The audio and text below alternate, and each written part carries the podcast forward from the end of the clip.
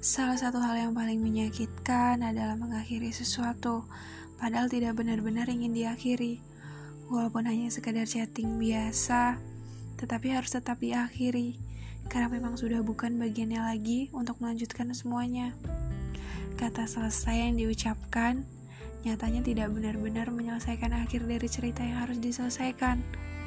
Cerita yang sudah selesai, tapi perasaannya tidak pernah benar-benar selesai.